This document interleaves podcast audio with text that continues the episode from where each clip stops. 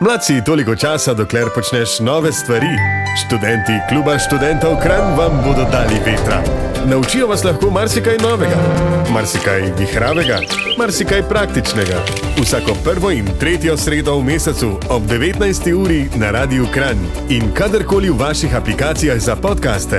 Pokrovitelj oddaje je klub študentov Kran.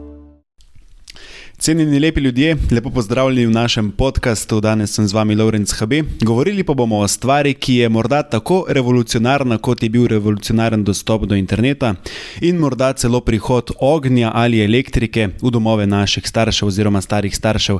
Govorili bomo o chat GPT-ju. Predsednica države je v začetku aprila za televizijo Neodvisen.si dejala, da se premalo zavedamo, kako je digitalni svet spremenil naš realen svet. Hkrati pa je dejala, da se je, prava, da se je prva revolucija zgodila leta 1995, ko smo dobili svetovni splet. Takrat se je svet začel drastično spreminjati, začela se je digitalna revolucija, ki traja še danes. In uh, mnogi danes, ko se pogovarjamo o chat GPT-ju, pravijo, da je umetna inteligenca druga taka velika revolucija, ki bo spremenila pogled na svet. Pirc Muserjeva je še, je še dojala, da jo skrbi, kaj se v digitalnem svetu dogaja. Citiram: Ta svet prinaša mnogo dobrega in slabega, in o slabem se moramo pogovarjati. In pravi, s tem misli bom začel današnji pogovor z dr. Matjažem Kljunom, profesorjem na Fakulteti za matematiko, naravoslovje in informacijske tehnologije Univerze na Primorskem. Profesor Kljun je tudi predstojnik laboratorija za interakcijo človek-računalnik na Univerzi na Primorskem. Doktor Kljun, vi zares obstajate, oziroma ti zares obstajaš, sva rekla, da se bova tikala. Priznam, da vas vidim, da te vidim, da si tukaj z mano v realnem svetu, poslušalci lahko mi verjamete na besedo, ampak doktor Kljun, torej Matjaš, pogovarjamo se lahko tudi z umetno inteligenco, z robotom in zanimivo, odgovori sploh niso površinski. Pozdravljeni vsi poslušalci. Um, ja, tako kot si povedal, Lawrence, odgovori niso površinski, oziroma ne zgledajo površinski, uh, ker je besedilo, na katerih se te veliki jezikovni modeli, na katerih temelji tudi ChatGPT, učijo ravno iz besedil, ki jih je napisal človek. In zato tudi lahko vidimo, da je jezik, ki ga daje ven, približno tak, kot bi ga pač dal človek ven. In zato se te odgovori niti ne zdijo tako površinski, kot bi morda pričakovali od nekega računalnika, da bi spravil iz sebe. Ja, o ChatGPT-ju se res veliko govori zadnje čase. Gre za sistem umetne inteligence, ki omogoča robotsko komunikacijo z uporabnikom. To načeloma ni nič novega, saj smo že prej komunicirali z recimo Siri, pa z Alexo in drugimi. Posebnost ChatGPT-ja pa je v tem, da na podlagi uporabnikovih pozivov ustvarja prepričljive odgovore in celo eseje, ki so tako avtentični, da jih je včasih težko ločiti, ali jih je napisal človek ali robot. Um, se strinjate s tem? Malo, malo ti gre na smeh? Ja, deloma se strinjam. No, um, Poglejte, pri nas študenti so začeli že uporabljati GPT ne? Eh, in za svoje seminarske, za, za besedila, ki jih imajo za napisati, in se opazi razliko, seveda. Besedilo je bolj slovnično pravilno, to je prva velika razlika s prejšnjimi besedili. Druga velika razlika je, da se stavki povezujejo en z drugim in ravno tako se povezujejo odstavki en z drugim, torej besedilo ima večji smisel. Tretja razlika je pa ključna razlika, ker so besedila, ki jih spravi ven ChatGPT, bolj površinska. Niso tako poglobljena, oziroma ogromno je stavkov in besed, ki so noter samo zato, da se pač to besedilo malo napumpa. In to je poglavitna značilnost teh besedil. Tudi svoje besedila, ko uporabljam če GPT, ko pišemo članke in pač um, kopiramo besedilo, ki smo ga že napisali in kopiramo noter v če GPT, bo noter vnesel ena par stavkov, ki so samo za lepo videti in ogromno tega je samo za lepo videti. Poleg tega, če GPT, če ne, če GPT, oziroma vsi ti veliki jezikovni modeli, če ne poznajo neke določene problematike, če ne poznajo uh, točno nekega določenega specifičnega področja, uh, bodo besedilo, ki ga bodo ustvarili, bo besedilo, ki ga bodo ustvarili, zelo, zelo površinsko. Naprimer, ko imajo študenti za obdelati nek članek in morajo o tem članku potem kritično uh, uh, razmišljati in o tem članku napisati kritiko, torej njihov vidik kako je ta članek vplival na življenje, kako je vplival na razvoj digitalnih tehnologij ali karkoli podobnega. Če GPT od sebe ne bo spravil nič pametnega, torej mora študent še vedno sam nekaj narediti. Če govorimo pa, napiši mi pravljico o medvedu in čebeli, ja, če GPT bo spravil v besedilo, ki bo pač napisal pravljico o medvedu in čebeli in lahko to tudi imamo za nekaj, kar ni površinsko. Eh, recimo temu bolj poglobljeno. Ampak to, da če ti uh, slovnično bolj pravilne uh, besede in stavke, to je kar hud udarec za študente. Ne? Ja, pa se je tudi hud udarec za nas. Um, te... To je tako. Zdaj, jaz vsako leto ugotavljam, ko berem študentske izdelke in diplomske naloge, da se besedišče, oziroma količina besedišča niža, zaradi tega, ker ljudje več ne beremo toliko, zaradi tega, ker ne preberemo v osnovni šoli drugih knjig, oziroma večina nas, ne morem pač reči, ker so še vedno otroci, ki radi berejo, ampak večina nas v osnovni, oziroma večina otrok v osnovni in srednji šoli prebere samo knjige, ki so nujne, to je ali je bralna značka ali je to domače branje. In dlje od tega ne gre ogromno otrok. In, tem, in temu primerno se je tudi besedišče zmanjšalo. Um, ravno prejšnji teden mi je ena študentka pisala, da sem se zmotil uh, na prosojnicah, da imam dve napaki in eno je beseda začenši, ki ne obstaja, in drugo je beseda uporabljan. Torej, ne samo enkrat uporabljen, ampak večkrat uporabljen. To je rekla, da tle noter sem se zmotil in da to pač to je treba popraviti. In se malo nasmejal, ampak je samo kot en primer tega. In ja, in če GPT se je učil na besedilu na človeških besedilih, torej besedilih, ki jih je napisal človek, in ta besedila so polna besedišč, oziroma besedišče je široko v teh besedilih. Če vzamemo vsa besedila na svetu, ne samo angliška, ampak tudi slovenska. In ja, in temu primerno, primerno imamo večje, besed, uh, večje besedišče, ki ga lahko uporabljamo v teh. Uh, torej, ma, če GPT ima večje besedišče, ki jih lahko uporabi pri izdelavi besedila oziroma pri pisanju besedila, uh, in to je pač besedišče, ki je večje od tega, ki ga premoremo sami. Zaradi tega, ker nihče ni prebral vseh slovenskih besedil, ki so na voljo. To je ena stvar, druga stvar je pa, ker deluje na podlagi statistike, torej te, te nevronske mreže pač samo uh, predvidevajo, katera beseda bo najbolj statistično primerna na eh, vsem prejšnjemu besedilu. Um, in ker se je naučil na vseh besedilih, ki so načeloma slovnično pravilna, bo tudi slovnično pravilno pisal, torej bo postavil vejce na pravo mesto, ne tako kot jaz, naprimer, ki jih pozabim, kašenkrat dati v besedilo, morda. Uh, in seveda ne bo delal napak, ne? torej ne bo uh, delal slovničnih napak pri pisanju določenih besed. Če imamo na spletu ogromno besedil, ki niso slovnično pravilna, torej se bo čet GPT tudi od njih učil ali pač ne. Seveda, vsa besedila, ki mu damo noter, na, te, na podlagi teh besedil se uči in na podlagi teh besedil lahko potem ustvarja besedila. Torej, mm. Govorimo o tem, da ne more ustvarjati novih besedil, torej ne more ustvarjati nečesa novega, lahko ustvarja samo nekaj na podlagi tega, iz česar se je naučil. Mm. Pa če se vrnemo zdaj za začetek, kako bi ti opisal čat GPT, je res tako revolucionaren, kot se govori? Ja, ne, ja, tako revolucionaren. To bomo še videli, ne? ampak načeloma, ja, se strinjam z vsemi um, strokovnjaki na tem področju, ki govorijo o tem, da bo to. Da bo ta tehnologija, tako podobno kot uh, druge tehnologije, zelo spremenila svet, zelo spremenila družbene odnose, pogodbo, ki jo imamo z enim z drugim, uh, zaradi tega, ker se bo ogromno dela, ki ga sedaj upravljamo ročno ali pa ga upravljamo z računalniki, se bo še pohitrila. Ogromno, ogromno dela, tukaj govorim tako o pisanju besedil, kot o obdelavi podatkov, kot očiščenju velikih baz podatkov, ki jih potem porabimo za naslednje uh, raziskave oziroma za naslednje analize. Vse to se bo dalo, se bo dalo avtomatizirati.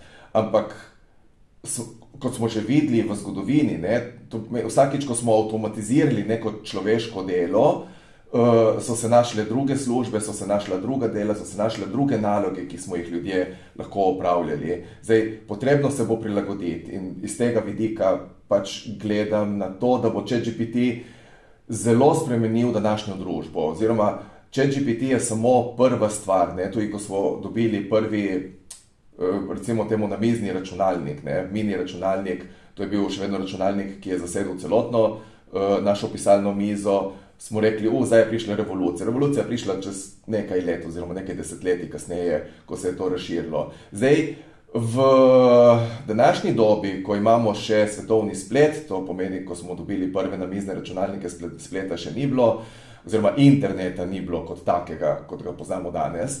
Um, se je ta zadeva mogoče zato razvlekla za desetletje ali pa več.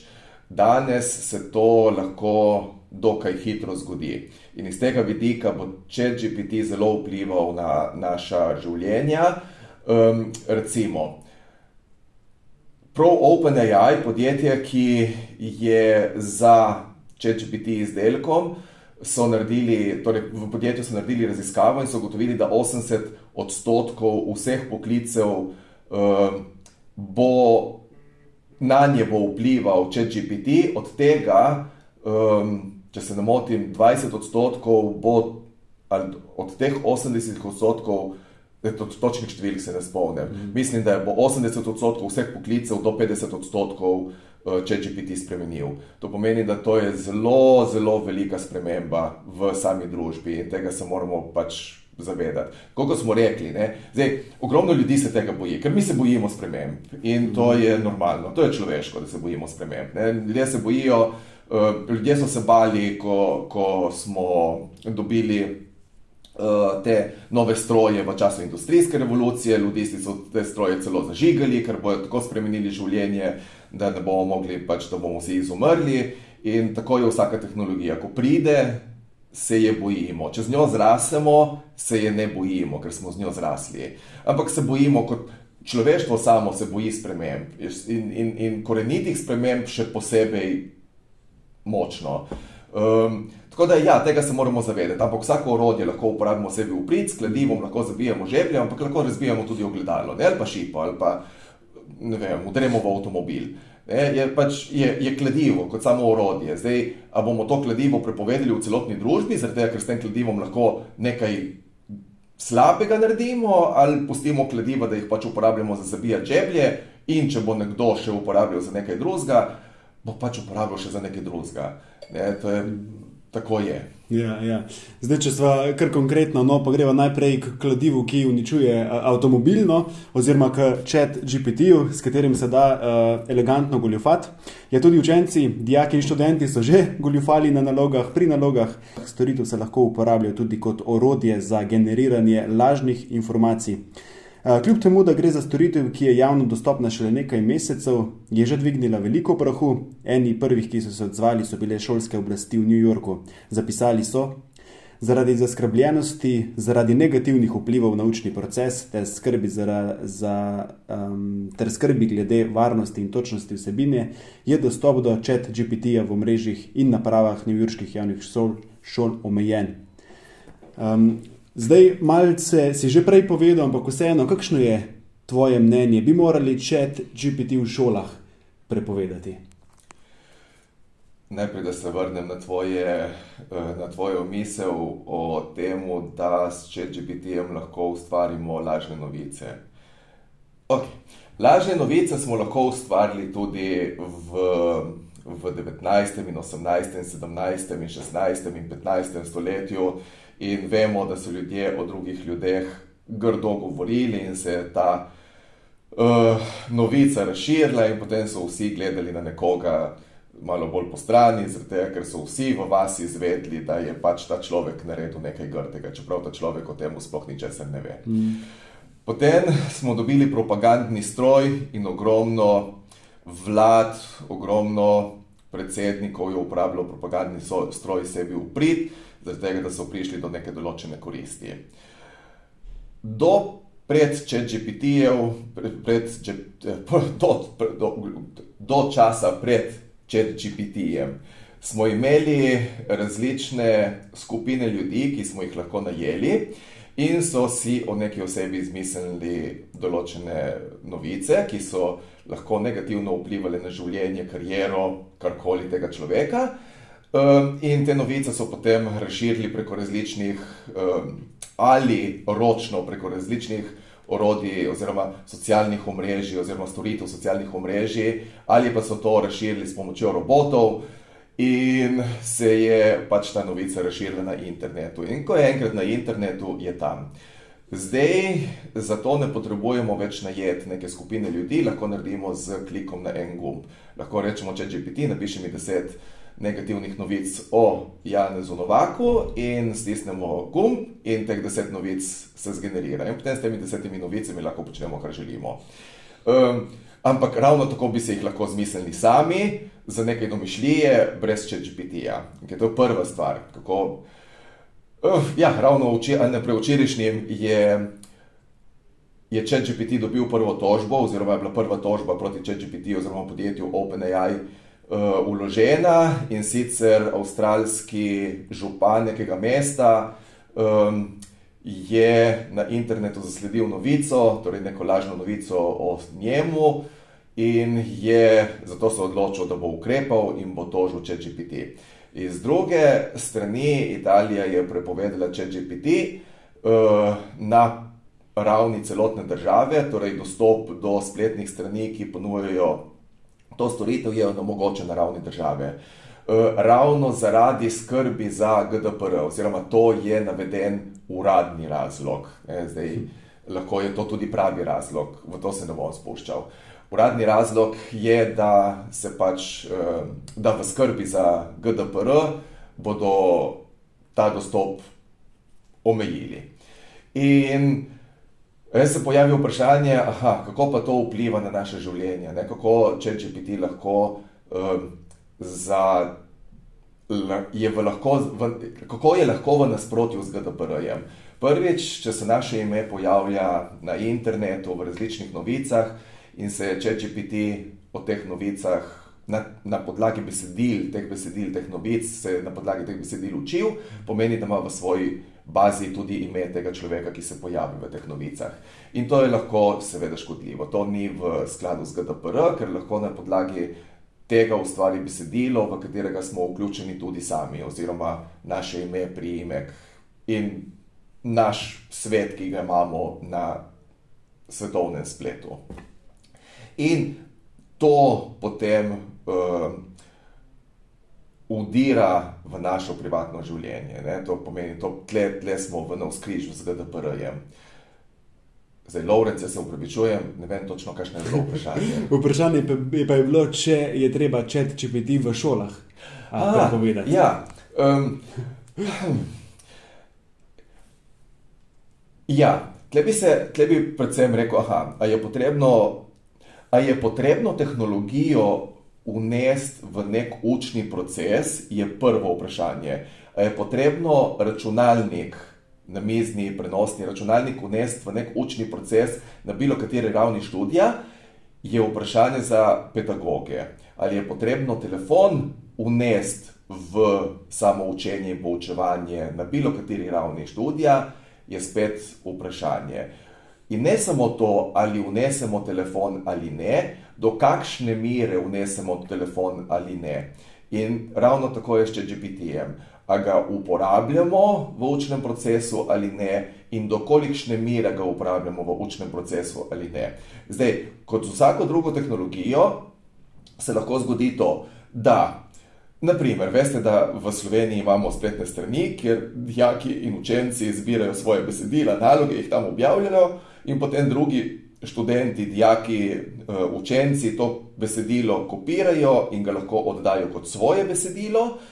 Iz druge strani obstajajo študenti, dijaki, učenci, ki bodo to besedilo prebrali, mogoče bodo prebrali še kakšno besedilo in na podlagi tega, kar se bodo naučili, bodo napisali svoje besedilo. Torej, vsa vsebina, ki jo imamo zdaj na internetu ne, in ki je tam na voljo, jo lahko uporabimo ali za podpiranje naše lenobe, ali pa zato da, da nadgradimo svoje znanje. In zdaj je odvisno od osebe, kako bo to uporabljala. In to vprašanje, ali zapreti če GPT pred vsemi šolami, jaz, jaz sem vedno zagovornik, da, nis, da ne, ne moramo otrokom preprečiti dostopa do telefonov, da ne moramo otrokom preprečiti dostopa do televizije, lahko jim omogočimo dostop do tega. Se z njimi pogovorimo, jih izobrazimo do te mere, da razumejo, kako tehnologija lahko vpliva na njihovo življenje, in temu sledimo, tako starši, kot učitelji, kot ljudje v izobraževalnem procesu. Je to treba kontrolirati. To ni, da zdaj postimo otroku telefon, mu razložimo, da uh, telefon lahko negativno vpliva na njihove mm. življenja. To je treba konstantno kontrolirati. In potem, če se otrok ne drži nekih dogovorov, ki smo ga imeli, potem lahko to sankcioniramo. Ampak da bomo že v, nas, v, v samem uh, začetku rekli, ne, zdaj pa ne bomo gledali televizije, se mi ne zdi ravno smiselno. Jaz, mislim, mi živimo na obali in pri nas, naprimer, uh, eh, živimo na dvojezičnem območju. In moja generacija se je italijanskega jezika učila na, predvsem na televiziji. Imeli smo seveda italijanščino kot uh, drugi jezik v osnovni šoli, v srednji šoli, to pomeni skozi 12-letni proces nekega učenja, ampak pogovorno italijanščino in to, kar danes še, še vedno vsi mi obvladamo, smo se naučili iz televizije. Podobno se današnji, današnji otroci govorijo angliško ne zaradi tega, ker so se v šoli naučili izjemno, izjemno dobro angliško, ampak zaradi tega, ker gledajo televizijske programe z angliškim jezikom, ker gledajo YouTube, ker sledijo vsem. vsem socialnim omrežjem oziroma storitvam socialnega omrežja na spletu in iz tega so se naučili angliščine. Zaradi tega so te otroci dobri uh, v tem jeziku. Zdaj, nekateri konci Slovenije so imeli dostop do avstrijske televizije, mm. to, to govorim še vedno o moji generaciji. Ne? In vem, da so študenti, ki so z mano študirali, govorili izjemno dobro nemško, kljub temu, da nemščine niti v šoli niso imeli. Torej, bomo zdaj omejili dostop do celotne televizije in do teh vsebin. A je to smiselno ali ne, spet to nisem jaz, lahko jaz podam samo svoje mnenje, nisem pedagog, nisem didaktik in se v to področje niti ne bom spuščal, ampak v, z vsakim orodjem, kot sem povedal, lahko škodimo ali pa pomagamo. In vsak učenec bo lahko neko orodje vzel za to, da bo podprl svojo lenobo, ali pa vzel za to, da bo nadgradil svoje znanje. Mm. Torej je čet, če bi ti lahko krasen pripomoček za. Um, za, tudi za učenje, konec koncev, ampak mene pa zdaj bolj zanima, kakšne so tvoje izkušnje. Vemo, uh, študenti smo, nismo za časom, ne hitro se učimo, tudi spoh, če se kaj da uh, hitreje narediti. Um, kdaj je zadeva plagijat? Pa ne govorim samo le o copy-pastenju, recimo iz ChatGPT-ja ali pa iz drugih virov, tudi uh, recimo iz knjig, kdaj je zadeva plagijat in kdaj um, je zadeva uh, legalna. Ja, tles, ja, zelo zanimivo vprašanje. Zdaj, a je besedilo, ki ga sami napišemo in ga damo lektorju v lektoriranje, in ga lektor izboljša, to besedilo lahko razumemo kot plagiat, ker je zdaj jedro besedila sicer ostalo enako, ampak se lahko struktura celotnega besedila izjemno spremenila, torej struktura zunanja se je spremenila, novica, bistvo, jedro, sporočilo je ostalo isto. Um, iz tega vidika lahko vidimo tudi, gledamo tudi na ChatGPT. Torej, če ChatGPT-ju damo svoje lastno besedilo in ga prosimo, če nam to besedilo popravi, oziroma nam to, nam to besedilo parafrizira. Načeloma ne vidim nobenega zadržka, da tega besedila ne bi uporabili naprej. Seveda, če smo sami, če želimo sami, oziroma če uh, iz etičnega vidika želimo avtorju, bralcu sporočiti, da je to besedilo tudi del ChatGPT-ja, lahko rečemo, da je bilo lektorirano s ChatGPT-jem, mm. se lahko to v besedilu omeni. Če uporabimo besedilo, ki ga uh, direktno kopiramo iz ChatGPT-ja in rečemo, da je to besedilo kar naenkrat naše, tle smo pa že na malo bolj uh, spolskem področju in je trenutno se vsaj v besedilih, ki sem jih sam zasledil, uh, omeni ta odstavek, je bil zgeneriran s pomočjo ChatGPT-ja oziroma podobnih orodij. Govorimo samo o enem izdelku, teh izdelkov je na internetu trenutno kar nekaj. Um, ampak ostanemo pri ChatGPT-ju kot, kot nekemu predstavniku vseh teh izdelkov, ki je naredil nek preboj.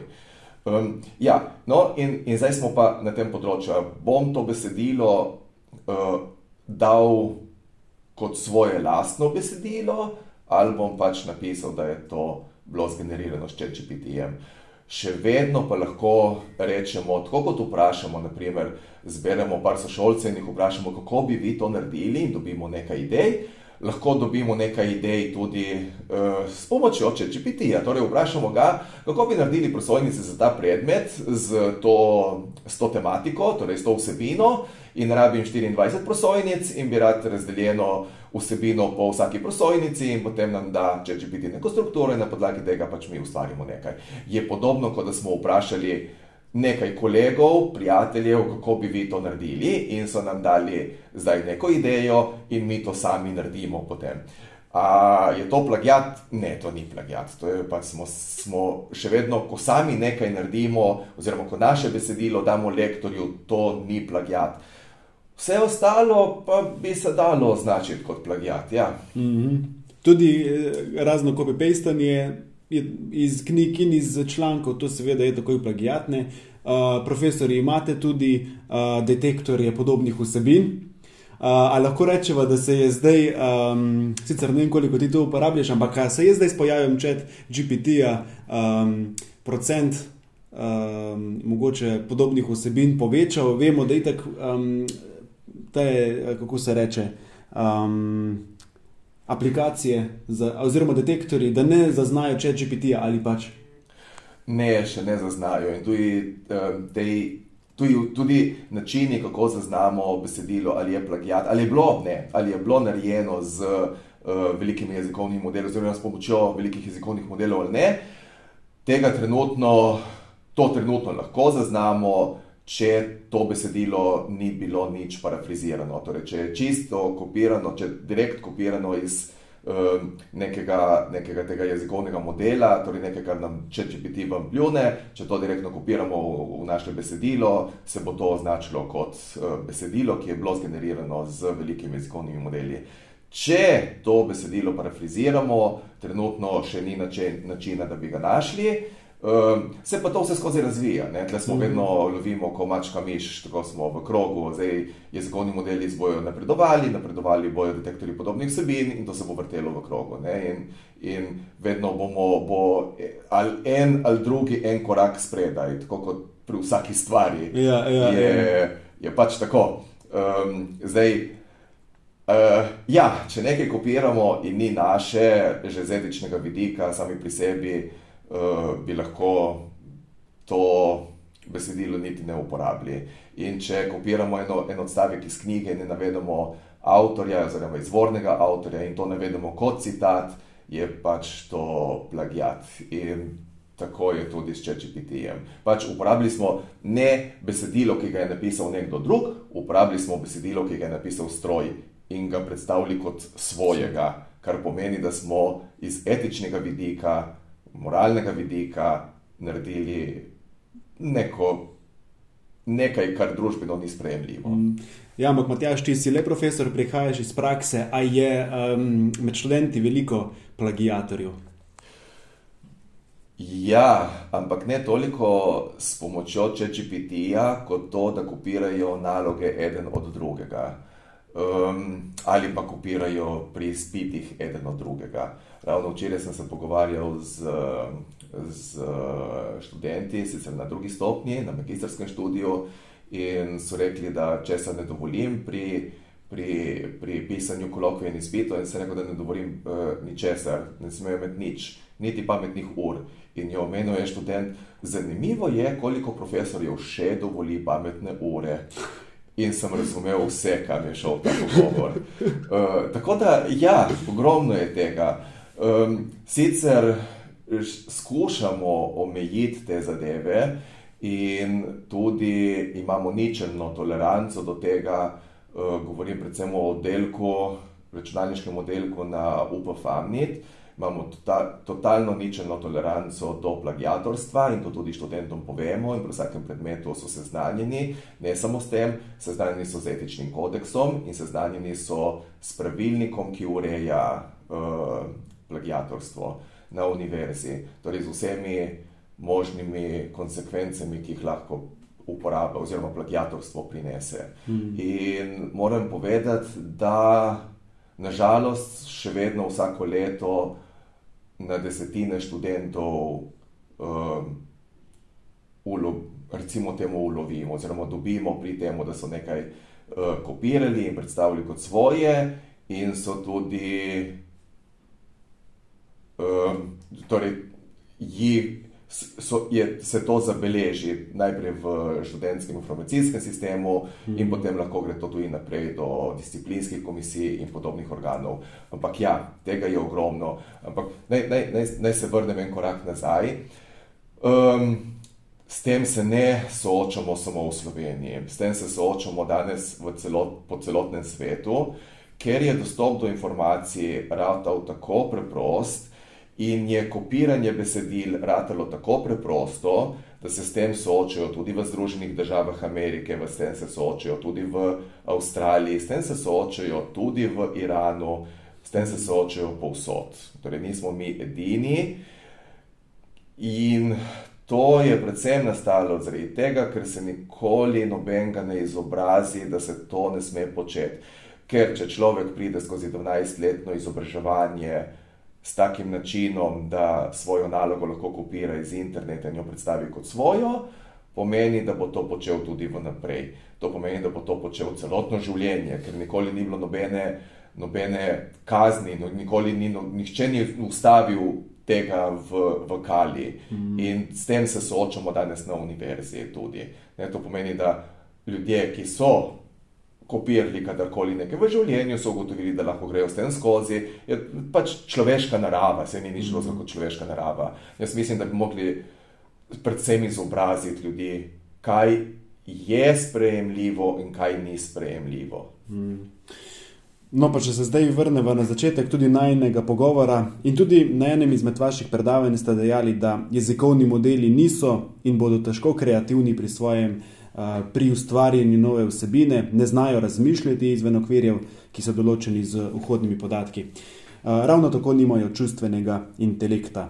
Torej, ni bojazni, da bi čet GPT izpodrinil vse pesnike in pisatelje tega sveta, pa tudi akademike.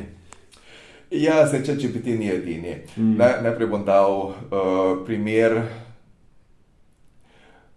umetno ustvarjenih slik. Umetno ustvarjenih slik, ki jih ustvarja računalnik, obstajajo različna orodja, Dali, Midjourney, Stable Diffusion in podobne. Vsa ta orodja lahko na podlagi eh, nekega opisa naredijo sliko. Torej, če lahko um, dam primer, rečemo, um, naredi mi sliko v stilu Van Gogha, ki ima za vsebino mačko, ki se kopa v lijaku, in iz pipe teče čokolada. In bo računalnik oziroma računalniška infrastruktura, ki jo uporabljamo od zadaj, še vedno govorimo o strojnem učenju, to sliko naredila. In te slike se že začenjajo pojavljati na različnih uh, tekmovanjih, predvsem mm. umetniških del. In, ali predstavitvi umetniških del, in so že zmagale kot najbolj kreativne in najbolj, najboljša dela. In sicer ne v kategoriji umetno ustvarjenih, ampak v kategoriji z drugimi, z drugimi um, umetniki. Zdaj, če GPT je do sedaj temeljil na starejši verziji modela uh, in ta starejša verzija modela, če ste mu dali, če ste upisali noter, če smo upisali noter, da nam uh, napiše, jamski enajsterec o neki z neko vsebino, ni spravo od sebe jamskega enajsterca. Spravo je od sebe neko, neko vsebino, ki bi jo lahko tretirali kot poezijo, in zdaj o kakovosti, umetniški kakovosti te poezije lahko vsak sam sklepa. Ne? Je, ja, nisem iz področja, tako da ne morem sklepati o tem. Je pa če GPT-4, torej nov, nov ne če GPT, GPT-4, nov jezikovni model, ki ima veliko več parametrov, kot je imela prejšnja različica. Um, spravi iz sebe tudi jamski enajsterec. In sem že videl, kako, smo, uh, kako je spisal sonet na neko na neko točno določeno temo. Zdaj, še vedno bom, nekaj, še vedno bom rekel, ne, zdaj, ja, sonet je napisal, ampak še vedno je napisal sonet na podlagi tega, iz česar se je naučil. Um, a je to tako dobro kot sonet, ki ga človek da od sebe, je spet vprašljivo, lahko je še boljše, ne bom, ne bom šel, se spuščal v to, um, v kakovost teh del. A bomo še vedno smo tle, da te modeli ne ustvarjajo novosti, ampak ni nujno, da bomo tle tudi ostali. Um, da zdaj omenil si še nekaj, Lawrence, da te modeli nimajo čustvene inteligence. Te modeli imajo toliko čustvene inteligence, kot jo vsebuje v eh, besedilo, iz katerih se je učil. Um, oziroma so se učili te modeli, torej, uh, ker so se učili iz človeš, človekovega, človeškega besedila, imajo toliko čustvene inteligence. In zdaj, če se z njim pogovarjamo o ljubezni, nam tudi lahko vrača ljubezen. Ma to vračanje ljubezni vleče iz nekih besedil, ki so, bile, ki so bila podlaga uh, temu učenju. In to je vsa čustvena inteligenca, ki jo lahko premore. Ne, ja, obstajajo novinarji, novinarski članki, ko so se zaprkavali tako s GPT-jem kot Bardom, Googlovim. Uh, ali boš z mano celo življenje, ja, s tabo bom celo življenje, ja, ma jaz sem poročen, ja, ma loči se, jaz bom s tabo celo življenje. In zdaj to lahko razumemo kot čustveno inteligenco, ali pa razumemo kot nek pogovor, ki je bil podlaga učenju, uh, kako more nek odgovor na neko postavljeno vprašanje zgledati. ja, zanimivo. Uh, kako pa se lahko uporablja chat GPT v zdravstvenem svetovanju ali podobnih področjih, kjer je potrebna visoka stopnja zanesljivosti in strokovnosti? Ja, ne vem, če se lahko uporablja. Hmm. V chat GPT kot pogovorni robot. Zdaj, chat GPT je samo pogovorni robot. V zdravstvu se lahko uporablja ogromno podobnih oziroma istih tehnik, kot se uporablja pri učenju velikih jezikovnih modelov. Tukaj govorim o strojnem učenju. In v zdravstvu se uporablja ogromno strojnega učenja. Naj vam dam samo primer naše raziskovalke uh, Vide.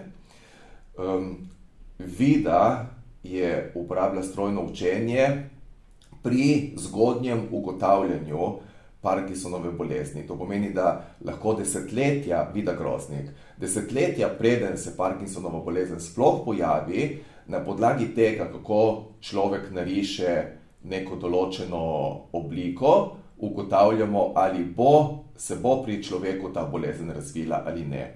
To je samo eden od primerov. Lahko jih učimo na podlagi slik. Torej, tako kot smo prej rekli, da uh, smo učili neko strojno, podlag, na podlagi strojnega učenja smo, smo naučili nek model, ki nam potem lahko tudi te slike zriše. Uh, lahko učimo tudi s pomočjo strojnega učenja, model, naučimo modele, ki lahko ugotavljajo določene, uh, določene anomalije v slikah možganov, ki jih lahko človek niti ne zazna. Ne? In lahko ne samo, da jih človek ne zazna, lahko imamo teh slik tako ogromno količino, da je človeku težko iti skozi celotno to ogromno količino. In uh, medtem, ko pregleduje to, tudi skrbeti za to, da se raven uh, intenzivnosti pregledovanja ohranja na isti ravni. Ne, to pomeni, da s temi modeli, torej strojnim učenjem, lahko rešujemo te težave. Torej, na dovolj veliki količini podatkov naučimo uh, za točno specifično nalogo model, da nam ugotavlja vnaprej, kaj se lahko dogaja. Torej, ja, strojno učenje v zdravstvu se bo vse več uporabljalo v zelo širokem obsegu, in raziskave na tem področju so se, se razvijajo izjemno hitro. Ravno včeraj smo se pogovarjali s kolegi iz Luksemburga in imeli smo raziskavo uh, bodočih zdravnikov pri simulaciji rojstev, dojenčkov. In smo imeli pač različne, tako gledali smo uh, njihov pogled, kje so imeli te fiksacije, kako so gledali, ko se je ta otrok rojeval, torej to je celotna simulacija. Uh -huh. um, Fizična simulacija za fizično nosečnico in fizičnim otrokom, ki pride uh, pač iz njenega trebuha. In, in torej, gledali smo, kako ljudje sledijo s pogledom in kam gledajo, medtem ko se učijo uh, zaplete pri porodu, oziroma kako se soočiti z zapleti pri porodu.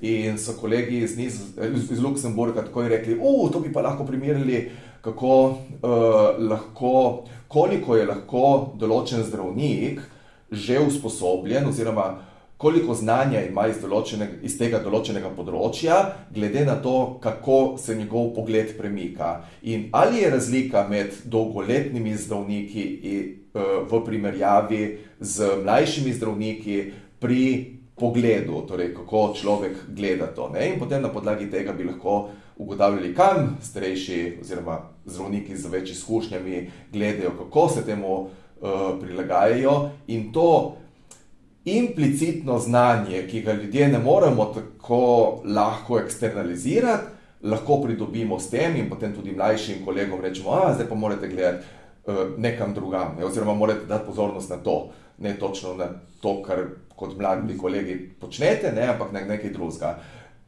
Naj, naj, naj samo povem, da to je samo en primer bodočih raziskav. Nisem nič rekel, da je temu tako in da zdaj te kolegi gledajo drugače, ampak je to samo en od primerov, kjer bi lahko uporabljal uh, modele strojnega učenja oziroma strojno učenje pri ugotavljanju nečesa. Tako, ja, več časa govorilo mogoče o težavah ali pa a, problemih, ki jih lahko povzroči ChatGPT, to je pa res en e, izjemen primer, ampak res samo primer, a, polje dobrih a, primerov je lahko a, neomejeno. A, pa morda, če zaključiva, Matjaš, a, rekel si že, da bo ChatGPT oziroma GPT, da bo spremenil poklice prihodnosti, da se bo svet zagotovo spremenil. A, kako še gledaš sicer na prihodnost tega orodja? Ja, bo spremenil. Spremenil je že moj poklic. Zdaj, jaz sem se že mogel prilagoditi. Prilagodil sem se uh, naprimer, pri nekaterih predmetih, kjer je možno uporabiti GPT, da bi ga lahko študent upravil brez svojega znanja. Smo šli na papir in svečnik, pri predmetih, kjer jim lahko GPT pomaga, smo jim rekli, da naj vzamejo ChatGPT, ampak morajo pač kritično razmisliti o besedilu, ki ga je ChatGPT dal iz sebe, in če je to besedilo zelo površinsko, jim to pri oceni ne bo pomagalo. Je, uh, zdaj tako, pri nekaterih predmetih smo to sprejeli, pri nekaterih predmetih še nismo, morda bomo, oziroma pri ocenjevanju, ker vedno se moramo zavedati, kaj kot pedagog ocenjujemo. Um, torej, ja, je že spremenilo moje življenje. Ne samo pri poučevanju in učenju, ampak tudi pri svoj, mojem delu. Torej pri mojem delu se skozi uporabljam ChatGPT, zato da mi naprimer, besedilo, ki ga pišem, sam popravi. In potem to besedilo pregledam in rečem, da to je moje besedilo na eni strani, to je njegovo besedilo na drugi strani, ali je to besedilo kakorkoli boljše, oziroma ali meni zveni boljše kot to besedilo, ki sem ga sam napisal. In vmes, kot smo že povedali, je ogromno stavkov, ki so zelo površinski, ki ne povejo ničesar in vsega ne moremo uporabiti. In iz tega, ja, in, in, in to se bo spremenilo še naprej. Zdaj, lahko pri mojem delu sploh ne bi uporabljal ChatGPT, lahko bi prepovedal tudi študentov uporabljati ChatGPT, ampak ne zdi se mi smiselno, če, imam, če imamo neko orodje na voljo, to pomeni, če nam v um, oblikovalniku besedil uh, Oblikovalnik besedil je lahko MS Word ali pa Google Docs ali pa LibreOffice, bilo katerega uporabljate. Če vam počrta besedo ne, in, in uh, ugotovite, da ste to besedo uh, napačno napisali, a boste sprejeli ali ne boste sprejeli to, ta popravek. Zdaj, to je orodje, če GPT je orodje. A ga boste sprejeli ali ga ne boste sprejeli, je pač odvisno od vsakega posameznika. Um, kakšno je bilo vprašanje, Lorenz? Uh, kakšna je prihodnost uh, četa GPT oziroma tega orodja?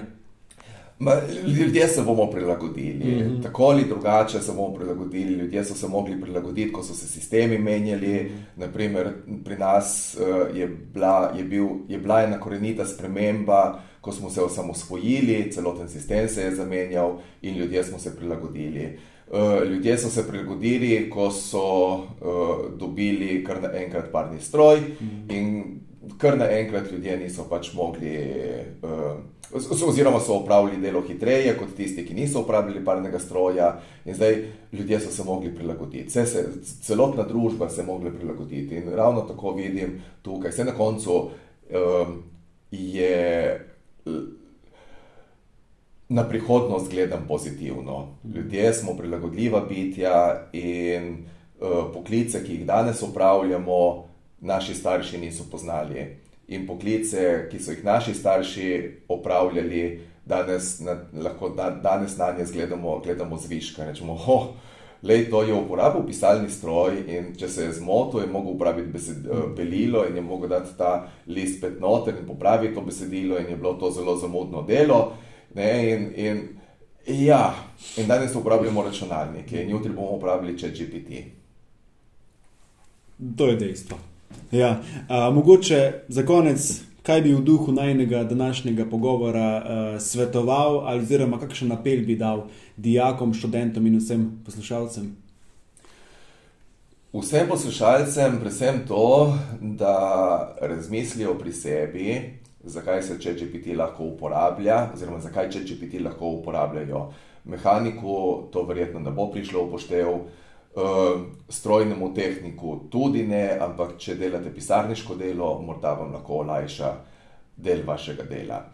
Uh, zdaj pojavljajo se, se trditve, da bomo z ChatGPT-jem lahko bolj produktivni in ker bomo bolj produktivni, bomo lahko skrajšali delovnik na 4 ure na teden, uh, morda vam bo to prineslo nekaj prednosti. Eh, torej ne, nekaj dobrega, morda, ker, ker pač tega ne morem napovedati. To so samo različne govorice, razmišljanja različnih ljudi v svetu, in, um, in, in lahko sem to samo predstavim kot take. Druga stvar je, če uporabljate ChatGPT, uporabljate ga za učenje, za izboljšanje samega sebe, ne za to, da podpirate svojo lenobo.